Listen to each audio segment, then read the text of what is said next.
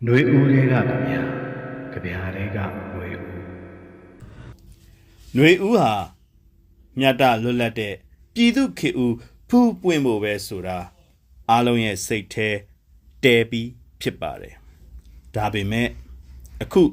ကျွန်တော်တို့ရဲ့တမန်ပြည်သူတွေအထူးသဖြင့်တိုက်ပွဲဒေသကပြည်သူတွေအထူးသဖြင့်ကလေးတငယ်တွေလူအိုလူမင်းတွေနာမကျန်းသူတွေ ကိုယ်ကာယအားနည်းသူတွေအထူးသဖြင့်လက်နက်ကြီးတံလေကြောင်းတိုက်ခိုက်မှုထံကိုခံရတဲ့နယ်မြေတွေကပြည်သူတွေအဲ့ဒီပြည်သူတွေကတော့ပြည်သူခေဦးကိုမရောက်ခင် ကြောက်ခစ်တဲ့အလူအလဲပြေးလွှာနေကြရတယ်ရပင်းနဲ့ကြောက်တဲ့ကြောက်ခစ်အထိမရောက်သွားပေမဲ့ရရင်နဲ့ကြောက်ရတဲ့ကြောက်ခစ်ကိုတော့ စစ်ကိုင်းသားတွေစစ်ကြောင်းထိုးရနေရာတွေကပြည်သူတွေကဖြတ်တန်းနေကြရတယ်။အဲ့ဒါကိုပြောပြတဲ့ကြပြဆရာမဟာ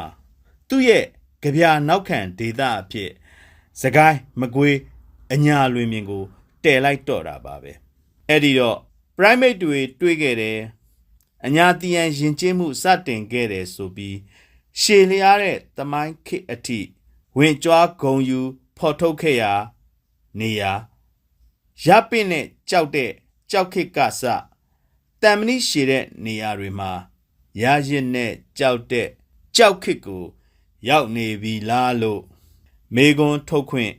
ရတော့တာပဲတကယ်တမ်းအရင်စစ်ကြည့်လိုက်ရင်တော့မကြောက်တဲ့သူတွေခေါင်းငုံမခံတဲ့သူတွေရှိတဲ့နေရာမှာတော်လန်ရေးတနက်ကစဖောက်စင်မီကစတောက်တာပဲလို့ပြောရမှာပါချင်း စကိုင်းမကွေးကရင်နီနဲ့မူလအားဖြင့်တိုင်းရင်းသားလက်နက်ကိုင်အင်အားစုများရှိရာဒေသတွေဖြစ်တဲ့ကချင်ကရင်မွန်တနင်္သာရီအခု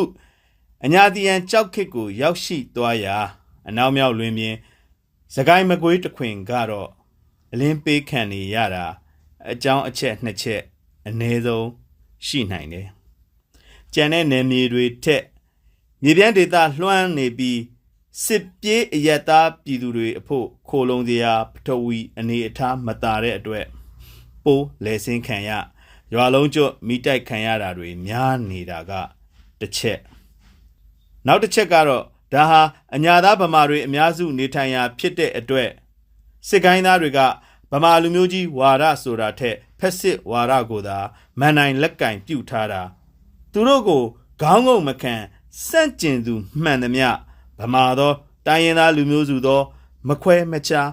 အဆုံးတိုင်းညင်ပန်းတက်ဖြတ်ဖိနှိပ်ဖို့ကြိုးစားတာပဲဆိုတဲ့မြမတပြည်လုံးတညီတဲ့အပြားခတ်ပေးလိုက်တဲ့တာရကကောင်းဖြစ်နေတာကတစ်ချက်ပါပဲ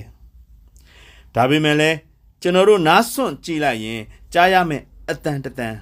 ရှိပါတယ်အဲ့ဒီအတန်ဟာယနေ့တိုင်လက်နက်မဲ့အကြမ်းမဖက် မြို့ပြရဲ့လမ်းတွေပေါ်အခြေအနေကြည့်ပြီးအပြေလွှာတက်တက်လာနေတဲ့မြို့ပြလူငယ်များရဲ့လမ်းပေါ်တပိတ်တွေကနေထွက်ထွက်လာတဲ့အတန်ပါပဲ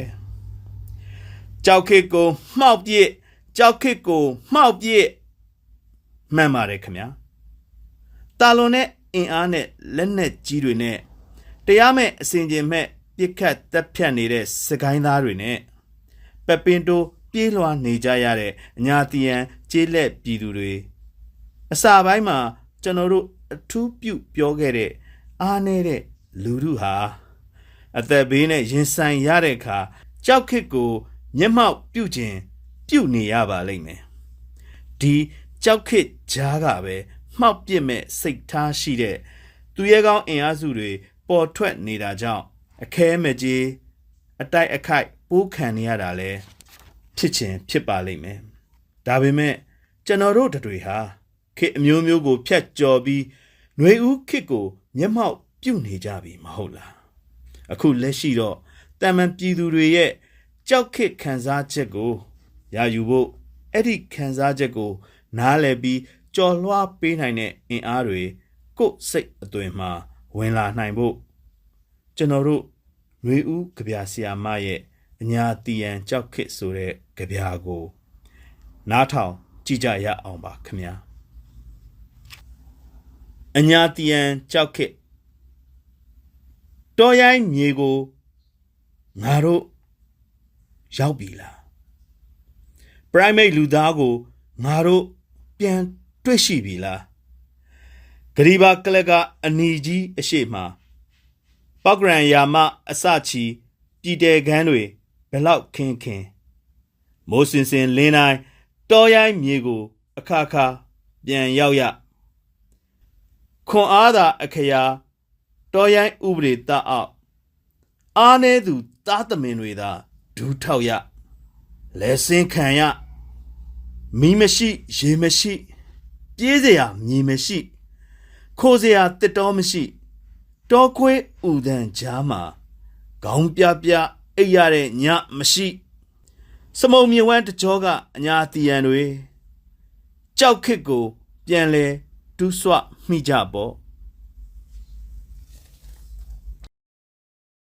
နှွေဦးလေးကဗျာ